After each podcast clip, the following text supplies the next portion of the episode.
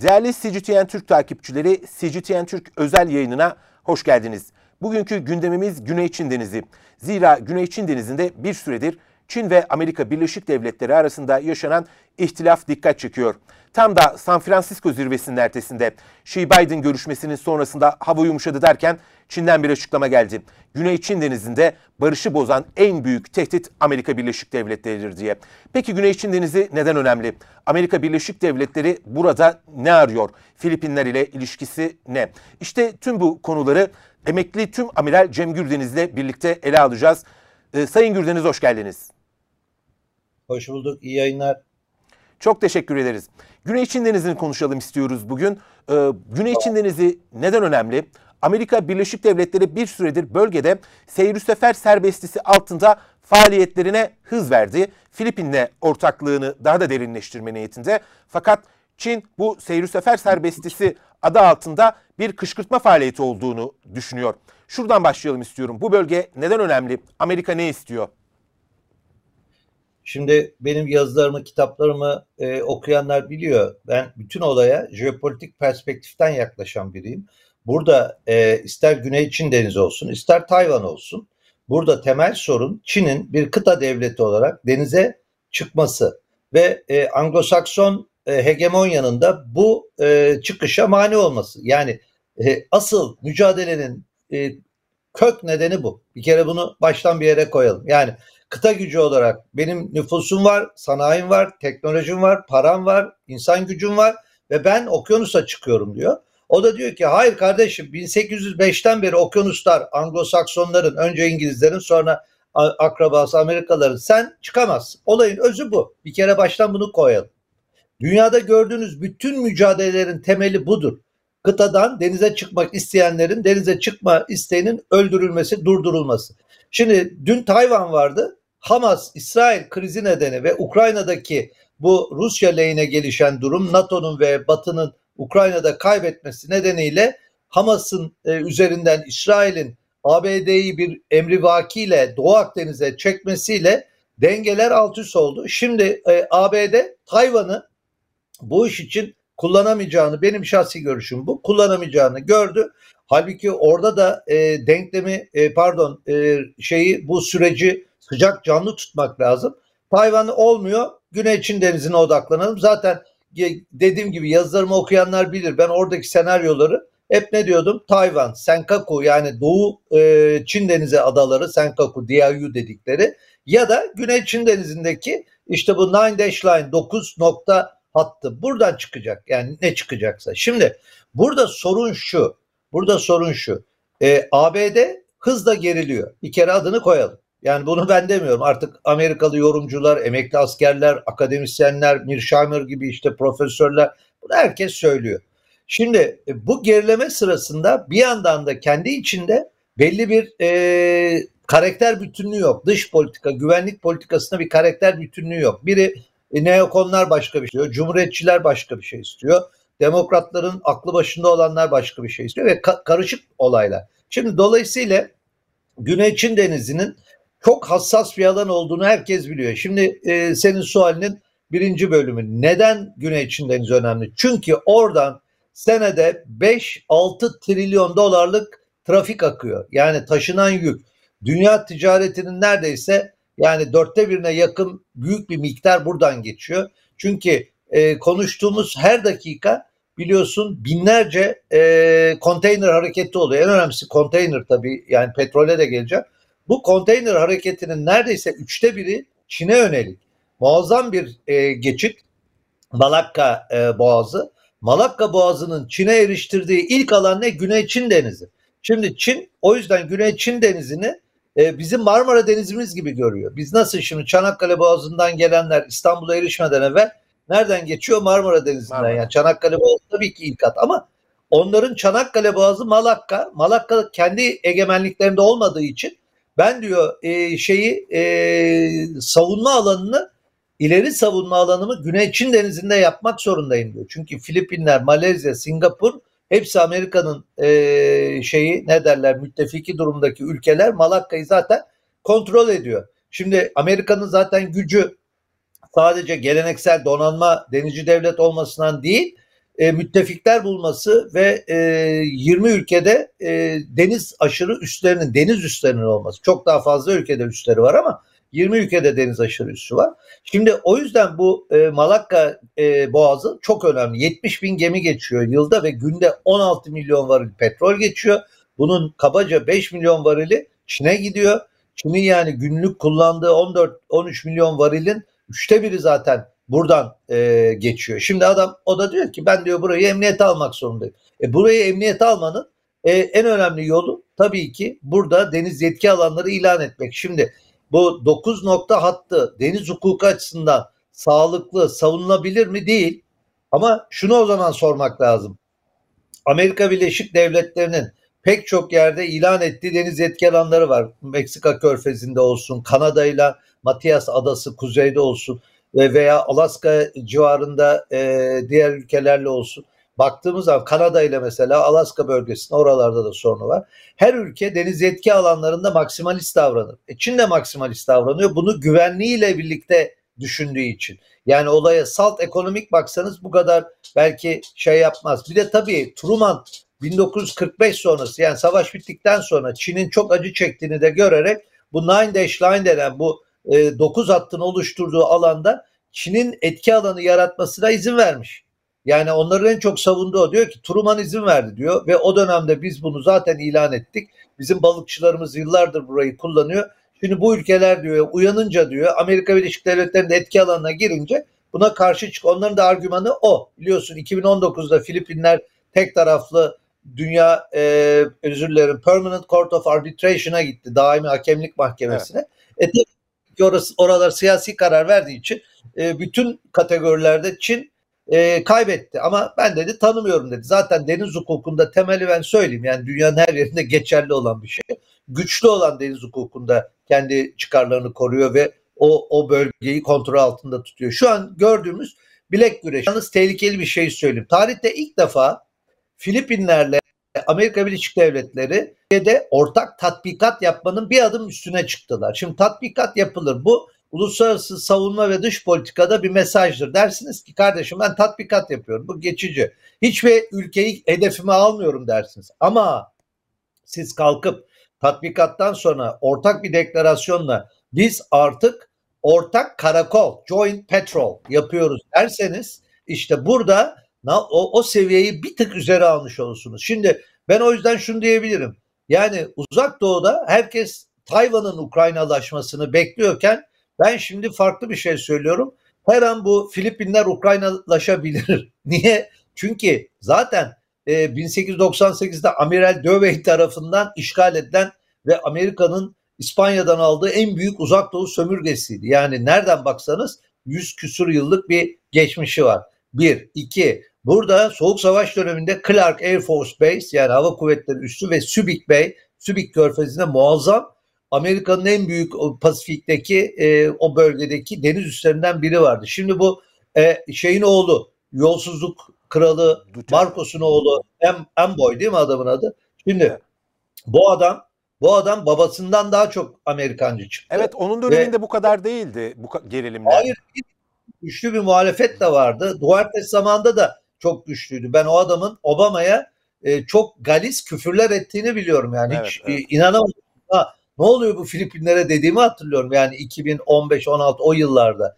Şimdi bakıyoruz tamamen e, Filipinler teslim olmuş durumda ve esasında bu çok e, acıklı bir durum ama Amerikalılar Filipinleri her zaman e, on, onların gözünde e, eşit görmezler. Yani e, ve şu an bana göre tam bir vassal, tam bir vekil devlet statüsüne soktular ve gördüğüm kadarıyla bu liderlik altında Filipinler Ukrayna'nın oynadığı rolü oynamaya hazır gibi görünüyor. Öyle görünüyor. Bu dünya barışı açısından çok tehlikeli. Şu an yapılması gereken zaten biliyorsun Hamas yüzünden e, Amerika Birleşik Devletleri İsrail'in emri vakisiyle e, Doğu Akdeniz'e ve Kızıldeniz'e çekili. Bak daha dün yeni bir haber çıktı. E, İsrail'in e, girişimleriyle Amerika Birleşik Devletleri, İsrail, Japonya, Güney Kore savaş gemilerinden oluşan bir filonun Kızıldeniz'de karakol yaparak buradaki İsrail gemilerine olan saldırıların önlenmesi. Çünkü Yemen'de biliyorsun e, şeyden e, Yemen ordusu ve direniş örgütü, e, örgütü Ansar Allah şey yapıyor sürekli. Çok yakın çünkü daptaracık Evet. bir alan. Oradan attığı füzelerle İsrail gemilerini ya vuruyor. Bazısının bir tanesini işte kaçırdı Kaçırdılar. Evet biliyorsun. kaçırdılar. Şimdi ba- bakın ben bu haftaki yazım bunu işleyecek. Çok önemli bir gelişme bu. Yani bu e, belki de e, Ukrayna krizinden bile daha önemli. Niye daha önemli söyleyeyim? Çünkü dünyanın en önemli deniz ulaştırma rotalarından biri olan Babel Mendeb Boğazı Kızıldeniz geçişli Süveyş ge- geçişini e, tehdit eden bir gelişme. Yani bu işin şakası yok. Bu şeye benzemiyor. Deniz haydutluğuna falan da benzemiyor. Deniz haydutluğunda en azından gemiler e, şey yapılıyordu, reyne alınıyordu. Bir pazarlık yapılıyordu. Pazarlığın burada artık iş terör veya piracy'den yani deniz haydutluğundan nereye geçmiş oldu?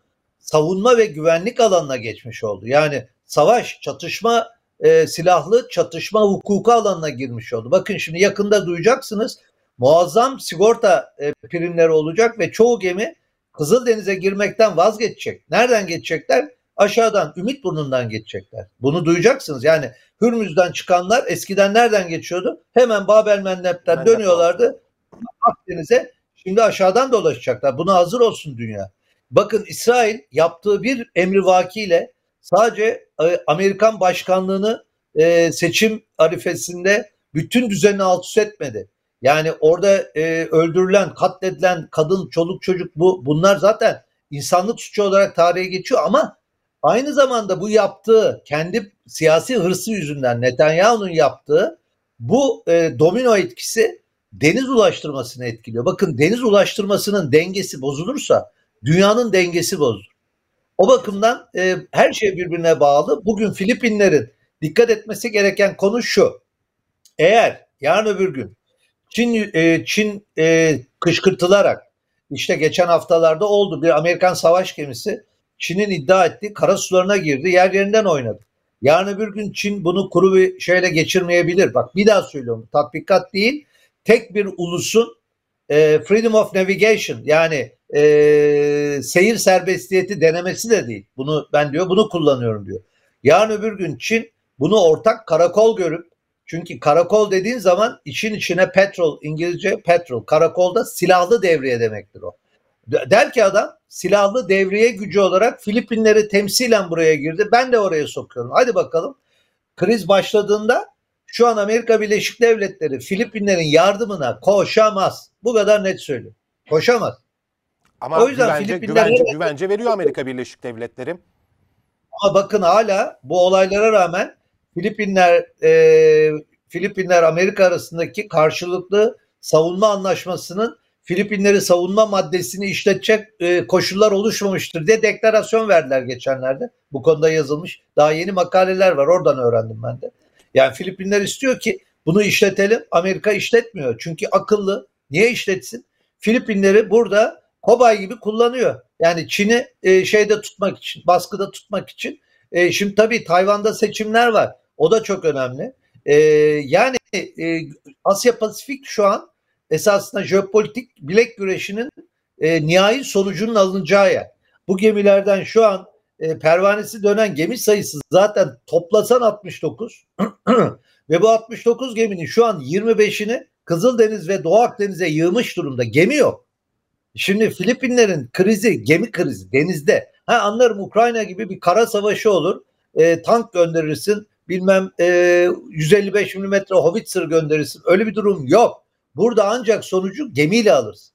O yüzden Amerika'nın şu an denizdeki durumu vahim. Bak bunu ben söylemiyorum. Yani şu an Türkiye'de tabii herkesin gözünde Amerika bir dev. Hala e, Hollywood'un, hala Rambo filmlerinin, hala işte e, o 45'ten sonraki dönemin pırıltısıyla insanlar yaşıyor. Anlamıyorlar. Çünkü okumuyorlar, bilmiyorlar. Ben şimdi her ay Amerikan donanması ile ilgili en önemli değerlendirmelerinin yapıldığı e, dergileri e, getirtiyorum. Onları okuyorum. O, o bilgilere güvenerek konuşuyorum. Bugün savaş çıksa Amerikan donanması feci bir şekilde yeniliyor Çin'de. O, o alanda yani Pasifik'te. Şimdi o nedenle son söyleyeceğim şu vakti güzel, e, güzel kullanalım. Tamam. Dilerim Filipinler akıllı davranır. Dilerim Tayvan akıllı davranır.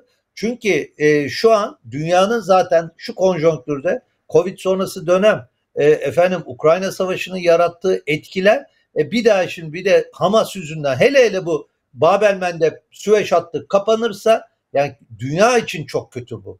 E, o orada tabii ki emperyalizm e, gereği kendi e, karakteri gereği askeri endüstriyel kompleksin istekleri gereği savaşları isteyecektir. Ama burada mühim olan vekil devletler ne yapacak? İşte buna çok dikkat etmeleri lazım. Kusura bakma biraz uzun oldu cevap. Yok Sayın Gürdeniz çok önemli e, noktalara işaret ettiniz. Filipinlerden bahsettik. E, Filipinlere aynı zamanda bir uyarı mahiyetindeydi söyledikleriniz ama diğer taraftan da çok fazla gündeme gelmeyen e, Japonya var. Militarize ediliyor. Anayasasını dahi değiştirdi e, bu uğurda. E, Japonya ve Güney Kore arasında görüşmeler var. Hatta bu iki ülke aynı zamanda NATO'nun zirvelerine de çağrılmaya başlandı. E, bu açık denizlerdeki gerilimde Japonya nerede duracak ve hangi sonuçlar e, gözükecek? Valla Japonya'nın durumu bana sorarsanız bu büyük krizde yani kıtadan denize çıkmak isteyen Çin krizinde en zor durumda olan ülke Japonya. Neden? Çünkü Japonya bir ada devleti. Ada devletleri işte 2. Dünya Savaşı'nda gördük. Hegemon bir ada devleti olarak Asya'yı istila etti ama büyük bir hegemon gelip onun denizden ulaştırmasını kestiğinde de çöktü. Yani siz zannediyor musunuz ki Japonya'yı teslim eden alan iki tane nükleer bomba değil. Japonya'yı teslim alan petrolsüzlüktü.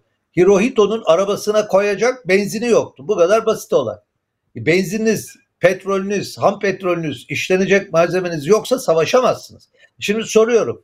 Çin'in nereden baksanız yüzlerce denizaltısı var ve Japonya'yı etki altına alacak muazzam bir ateş gücü var.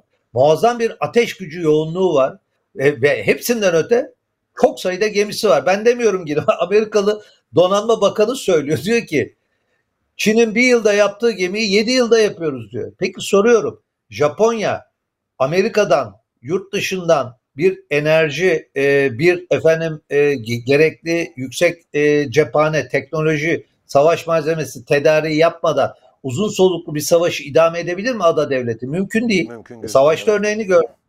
Mümkün. Mesela bunu bana sorsan Hindistan için derim ki Hindistan sonsuza kadar devam edebilir. Niye? Hinterland'ı var, kara devleti, kıta devleti, nüfusu var. Japonya'nın bir ada devleti olarak bunu idame gücü yok. Sadece Amerika'ya güvenerek bunu yapıyor. Ama Amerika 45'teki veya 40, 41'deki Amerika değil.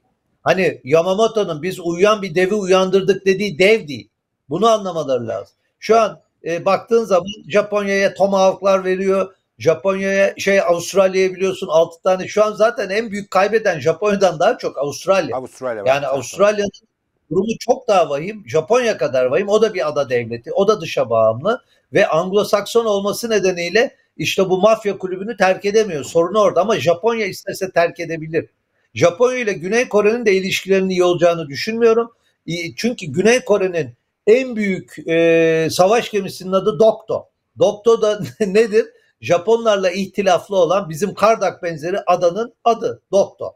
Yani Japonya benim diyor, Güney Kore benim diyor. Bir de 2. Dünya Savaşı'nda Güney Kore'de Tarihsel yapılan bir acı da var. Japonya, o da var. Yani ben şimdi düşünüyorum. Bu iki ülke yarın öbür gün e, Ukrayna'da olduğu gibi nasıl Polonya ile Ukrayna ilk başta çok iyiydi. E şimdi bakıyoruz Polonya Ukrayna ile pek de iyi değil veya Almanya'ya bakın. Ne Sayın dedi Alman Bakanı? Son olarak dedi ki Polonya artık Ukraynalı e, evet. kamyoncular sınırımızdan gelip geçiyorlar vergi vermeden artık e, bana vergi vermeye başlasınlar demeye başladı. Ben de diyorum, evet ben de diyorum ki yarın Çin Anglo-Sakson liderliğindeki Japonya, Güney Kore, Avustralya mihveri hatta Singapur'da koyalım buraya. Bunlar Çin'le savaşır da kayıplar başlarsa birbirlerine düşerler. Bu kadar net söylüyorum. Çünkü burada bir de mesafeler çok uzun. Çok uzun. Yani mesela NATO devletleri mesafeleri çok yakın. Daha koherent dedikleri böyle iç içe. Değil Ama burada mesafeler çok uzak. Yani 5000 millik bir hattan bahsediyoruz. 5000 mil yani dünyanın çevresinin neredeyse beşte biri kadar bir hat. Çok büyük bir hat. Bu hattı bu kadar deniz alanıyla ancak büyük bir deniz ittifakı koruyabilir. Deniz ittifakının liderinin gemisi yok. Yani herkes şimdi ya diyor amiralim 11 12 tane işte şey var. Dünyanın en gelişmiş uçak gemisi evet. şuydu. Ya kardeşim diyorum. Adamın DF 17, 18, 19 şey 21, 22 serisi Çin'in füzeleri var. Hipersonik füzeleri var. 200 küsur denizaltısı var. Yani bu gemileri nasıl koruyabilir? Yani o kadar gelişti ki teknoloji, o kadar muazzam bir yüksek teknoloji silah proliferasyonu var ki millet bunu göremiyor. Millet hala e, şey zannediyor bunu, kompüter oyunu zannediyor veya eski Hollywood filmlerinde gördükleri gibi zan değil. Olay çok farklı. Ya şöyle bir örnek vereyim. 2006'daki e, Lübnan Savaşı'nda İsrail işgal ettiğinde İsrail'in en gelişmiş Sağır 5 sınıfı Hanit isimli dünyanın en yoğun hava savunma sistemi olan gemisini Hızbullah'ın Çin'den getirdiği, kıyıya koyduğu uyduruk CS-800 adlı füze vurdu. İki füzeyle vurdular. Ya adamlar batıyordu. Kaç kişi öldü? Yani şunu demek istiyorum. Artık de, mesela Moskova'nın batışı. Ya bakın ne kadar iddialı değil mi geminin adı? Moskva. Evet. Ukrayna işte yılan adasını açığına getirdi Ruslar. Çok ciddi bir hata yaptılar. Gemiyi iki tane Neptün füzesiyle vurdular. Hem de gemiden bile atılmıyor. Aynen Lübnanlı Hızbullah'ın yaptığı gibi. Artık Karadan. işler çok zor. Denizde iş zor. Kıyıya giremiyorsun. O bakımdan e, özetle şunu söyleyeyim. Japonya böyle bir krize girdiği takdirde e, şu an ya yapılan bütün harp oyunlarında da bu zaten çıkıyor. Amerikalılar e, çok o, o yönlü takdir ediyorum. Yani e, bütün bilgilerini paylaşıyorlar. Simülasyon yapıyorlar e, şeyde harp oyunlarında işte War College'da. E, sonucunda makaleye döküyorlar. Ben geçen gün okudum işte. Ya diyor ki ilk 24 saat dayanamıyoruz diyor. İlk 24 saat. Çünkü dediğim gibi e, gözetleme, keşif, uydu bilmem ne artık harekat sahası e, 24 saat her dakika gözetleniyor. Kim nerede biliniyor. Bilinmeyen bir tek denizaltı. Daha dün yeni bir makale çıktı. E, Pasifik'te diyor sonu ben yıllardır yazıyorum söylüyorum.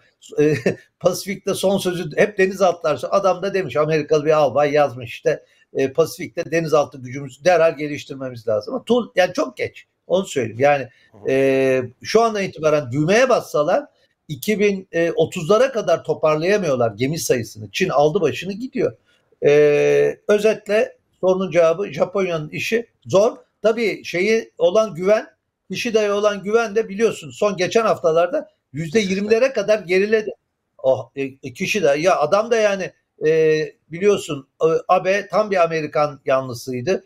E, bu onun yerine geldi. Bu da Amerikan yanlısı. Daha bile hırslı, daha bile militarist.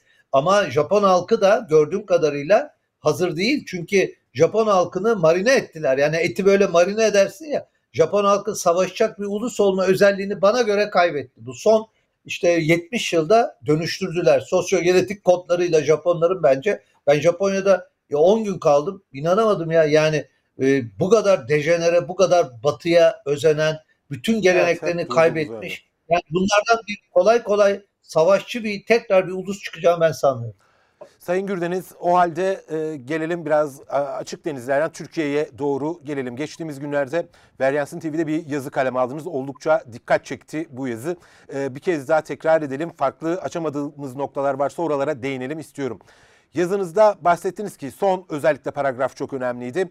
Ankara denizcilikte Çin'e örnek almalıdır dediniz. Ama ne yazık ki sonrasında verdiğiniz veriler e, yüzde birlik denizciliğe pay ayırdığımız noktasındaydı. Çin nasıl başardı, evet. biz nasıl başaramadık? Bu sorunun yanıtını alalım sizden. Çin'in başarma nedeni e, onlar aynen Osmanlı tarihi gibi denizi ihmal ettikleri için çöktüler. Yani Cınkı diye bir amiralleri vardır. Bazıları Zenku diyor, bazıları Cınkı. Bu esasında e, Müslüman bir e, amiral. Çin donanmasında hizmet ediyor. E, 1400'lerin e, ortalarında muazzam büyük bir filoyla yani şöyle söyleyeyim muazzamlığını aynı yıllarda Santa Maria Nina Pinta Christoph Kolomb'la giden bu gemileri düşünelim 300-400 ton. Bunun yaptığı gemiler bunun 5-6 katı. Muazzam büyük bir filo. Bütün e, Batı Pasifik'i e, bir yerde e, işgal ediyor demeyeyim gidiyor. Orada koloniler kurmaya hazır olduğunu söylüyor. Ya e, pek çok yerde Çin bayrağını dalgalandırıyor. ikili anlaşmalar imzalıyor. Fakat o dönemki hanedan diyor ki döndükten sonra hayır kardeşim diyor e, büyük çiçeğin diyor çiçek diyorlar büyük çiçeğin buna ihtiyacı yok bize kendimiz yeteriz diyor ve denizlerden geri çekiliyorlar. Çok ilginçtir ya. Ve o geri çekilme ister inan ister inanma 1949'a kadar yani Çin'in kurulduğu, Çin Halk Cumhuriyeti'nin kurulduğu tarihe kadar o geri çekilme devam etti. Tamam. Aşağılanma yıllarını, Afyon Savaşlarını saymıyorum bile. Çünkü orada da iki tane e, silahlı, büyük e, toplu, e, stimli İngiliz e, e, kruvazörleriyle Sarı Deniz'in e, şey e, River petrol dedikleri yani nehir karakol gemileriyle e, şeye kadar ne derler Çin'in işlerine kadar girip işgal ettiklerini Vurdular. ve yönetimi biliyorsun yani evet, bunu evet. bu konuda filmler bile çıktı yani e, o, o nedenle burada Çin'in bu aşağılanma döneminden denizlerden uzaklaşmadan büyük büyük ders çıkardığını görüyorum ben. Aynen İnebatı'dan sonra Osmanlı'nın kademe kademe kademe e, topraklarını kaybetmesi, denizdeki çekilmeyle karadaki çekilmenin paralel gitmesi, Kuzey Afrika'daki e, uzak diyarlardaki yerlerimizi kaybetmemiz, Kızıldeniz, e, efendim Süveyş Havzası, Levant sahilleri baktığın zaman İtalya Savaşı, Balkan Savaşı, bunları Tuna Havzası, Nil Havzası, Mısır'ın kabak say say, say bitmiyor. Yani baktığın zaman imparatorluğun geri çekilmesi denizdeki geri çekilmeyle en sonunda nereye kadar geliyor? 25 Nisan günü 57. alayın karşısına çıkıyorlar değil mi? Ee, Büyük Armada'nın getirdiği 200 bin askeri yığıyorlar. Gelibolu Yarımadası'na Atatürk de ölmeyi emrediyor. Şimdi Çin'de durum aynı. Çin ne yaptı? Atatürk'le Atatürk'le Mao'yu şimdi yan yana koyalım. Atatürk 23'te görüyor bunu. Ne diyor? Donanması Anadolu olmaz diyor. Savunmayı Anadolu'dan şeyden Akdeniz'den başlatıyor. Zaten 1 Eylül'de de bunun mesajını veriyor değil mi? Ne diyor? İlk hedefiniz Akdeniz'dir Akdeniz. diyor. Şimdi Türkiye 1945'lere kadar Atatürk'ün bu diktumuyla devam ediyor. Ee, 49'da da Çin kurulduktan sonra Mao deniz kuvvetlerine özel önem veriyor. Mao'nun çok ünlü bir lafı var. Bin yılda sürse nükleer denizaltı sahibi olmalıyız diyor. Yani şimdi karacı bir e, lider yani denizci bir lider değil Mao. Karada hiç denizde hiçbir faaliyeti yok. Fakat düşün Tayvan'ı e, Formoza'nın kurulmasını önleyememiş deniz aşırı. E, oraya gidip o dönemde bir donanmaları olsa bugün zaten Bambaşka. Tayvan sorunu yok. Olmaz evet. Bambaşka. Takip e, edemediler. Şimdi oradan dersini e, tabii oradan dersini çıkarmış. Bir, iki, emperyalizm denizden geldiğini görmüş. Tamam Şimdi dolayısıyla diyor ki donanma ama esas donanmanın e, büyümesi e, yani 90'lı yıllardan sonra başlıyor açıkça bunun adını koyalım. Hele hele e, 2000'li yıllardan sonra 21. yüzyıla girişte çok artıyor. Ben makalemde gördüm. Yani sadece donanma gücü olarak değil, deniz Tabii, ticaret, tersanecilik, denizcilik gücü olarak 2002'de 20 tane limanla işbirliği var Çin'in. Koskoca Çin'in 2002'de 20 limanda bugün 50 ülkede 105 limanla milyarlarca dolarlık yatırımları var. Şimdi Türkiye 40 ama burada tabii en önemli olan olay şu. Kimse kalkıp da Çin'e ya siz karacısınız, siz çiftçisiniz, siz köylüsünüz, siz denize çıkamazsınız diyemedi. Niye? Çünkü Çin içindeki kurduğu düzenle dışarının bu müdahalesine izin vermedi. Vermedi. Ama Amerika Japonya'yı teslim aldıktan sonra ne yaptı? Sizi tekrar denizci yapacağım dedi. Donanmada değil, ticaret filosunda bir numara olacaksınız. Tersanede bir numara olacaksınız. Bak emperyalizm Anglo-Sakson emperyalizmi sadece izin verdiği devletlerin denizcileşmesine izin verir. İzin verdi. Türkiye'ye verdi mi? Vermedi. Niçin bizler Balyoz Ergenekon'da deniz kuvvetlerinin bedeni kesildi? Sebebi buydu. Türkiye Anglo-Sakson emperyalizmin iradesi dışında donanmasını geliştirdi. Ee, Kıbrıs'a müdahale etti. Ege'de e, aktif güç oldu. Mavi Vatan konseptiyle, doktriniyle efendim e, haritasını ilan etti. Bunlar tabii çok ama çok rahatsız etti. Şimdi içimizde tabii e, mandacı ve e, hem Atatürkçü görünüp ama en güçlü NATO'cular o kadar çok ki evet. Anglo-Sakson sistemin bu bu emri vakilerine bu e, dayatmalarına e, ses çıkaramadılar. Çıkaramadılar. Şimdi bak görüyorsun şimdi Libya'da daha yeni tezkere onaylandı. Yani Atatürk'ün kurduğu parti Libya'daki tezkereye hayır dedi. Bu nasıl oluyor anlamak mümkün değil. Şimdi işte sorunun cevabı o. Türkiye Amerika'nın etki alanına daha doğrusu Anglo-Sakson etki alanına sadece ABD değil yani esas okul İngiltere yani bu ekolün etki alanına girdiği için içimizdeki mandacılar onların istediği kadar denizci olmamıza e, onay verdiler. Ya bu kadar ne yapalım bunu istiyorlar. Evet. Sebep bu. Şimdi Çin çok farklı. O yüzden ben dedim. Çin zaten bakacak olursan e, Mao öldükten sonra Mao'nun prensiplerini e, radikal bir şekilde değiştirmediler. Çok akıllıca küresel sistemin nereye gittiğini gördüler. Halkına da refah eriştirebilmek için neye geçtiler? bana göre orada da yazdık devlet kapitalizmine geçtiler. Yani e, komünizmi bir nevi e, bana göre sulandırdılar. Ama hem e, orta sınıfı çok hızlı yükselttiler. Bugün Çin'de dakikada neredeyse 150 kişi orta sınıfa geçiyor. Geçiyor. Bu çok önemli bir başarı. Bu önemli bir başarı. Yani ne ha, tabii ki tüketim artıyor. O ayrı o bir şey ama e, diğer yandan e, Amerikan emperyalizmini İngiliz ve Anglo-Sakson emperyalizmi veya NATO emperyalizmi de dengeleyen bir güç oldu. Bugün dünyanın dengeye ihtiyacı var. Yani Amerikan emperyalizminin e, 1990 sonrası Soğuk Savaş bittikten sonra ne yaptığını gördük. Eğer bu güç dengelenmezse dünyanın nereye gideceği ortada. Vay. İşte e, o bakımdan Çin'in denizcileşmesi kıtanın denize çıkışı için dünyaya en iyi örneklerden birisidir. Ve e, diğer yandan tabii ki e, bu dengenin sağlanarak dünyanın 21. 22. yüzyıla daha e, uyumlu, daha dengeli gelebilmesi açısından da bir antitez olarak önemlidir. Çin kıta gücünün denize çıkmasında dünya tarihinin bana göre yazdığı şu an en iyi örnektir. Bak Almanya'da Birinci Dünya Savaşı'nın çıkma nedeni Almanya'nın kıta gücü olarak denize, Denize çıkmasıydı. çıkmasıydı. Ama Almanya Çin'i farklı tutuyorum. Çünkü Almanlar e, bir Çinliler gibi bir felsefe toplumu değildi. Almanlar resmen e, o dönemde çok ciddi bir emperyalist, çok ciddi bir kendi üstün ırk olmanın verdiği öyle bir iddia ile ortaya çıktılar. Ama bugün görüyoruz Çin kendi ticaret gücüyle, kendi e, efendim e, finans gücüyle ve kendi yaratıcılığıyla bir de tabii ki 5000 yıllık tarihinin verdiği dinginlikle ortaya çıkıyor. O yüzden ben e, Türkiye'nin e, Çin modelini örnek almasını, Kemalizme geri dönmesini, Çin'in halkçılık, devletçilik ve devrimcilik e, ilkelerini e, kullanmasını istiyorum. Yani şimdi e, Kemalizmi eleştirenler ne diyor? Efendim çok de, e, Çin de devletçiydi, komünistti ama Çin gelişen ekonominin, geri, gelişen sosyal şartlara uyum sağlayarak kendini adapte etti. Türkiye de bunu yapabilirdi. Ama biz ne yaptık? Aman aman Washington ve Londra'dan gelen reçetelere bakalım. Onlar bize ne diyor?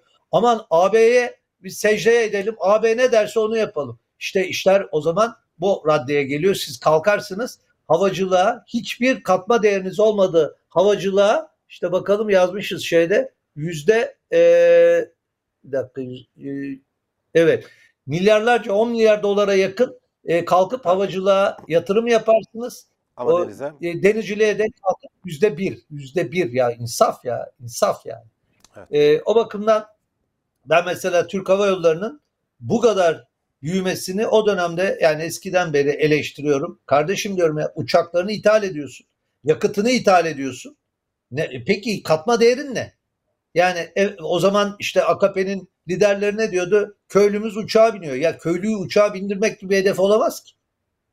Köylü tabii ki uçağa binsin ama yani sen bir e, alana büyük bir yatırım yapıyorsan bunun ülke ekonomisine çok büyük katma değer. Ha sen uçağını kendin yaparsın, jet benzinini kendin üretirsin. Yani bugün Rusya'nın yaptığı gibi, Çin'in yap, şeyin yaptığı gibi ABD'nin. O zaman tamam ama sırf efendim ben e, işte e, halkı uçakla tanıştıracağım. Yani kamuoyuna mesaj olarak. E, halkın şu an yüzde sekseni ay sonunu getiremiyor.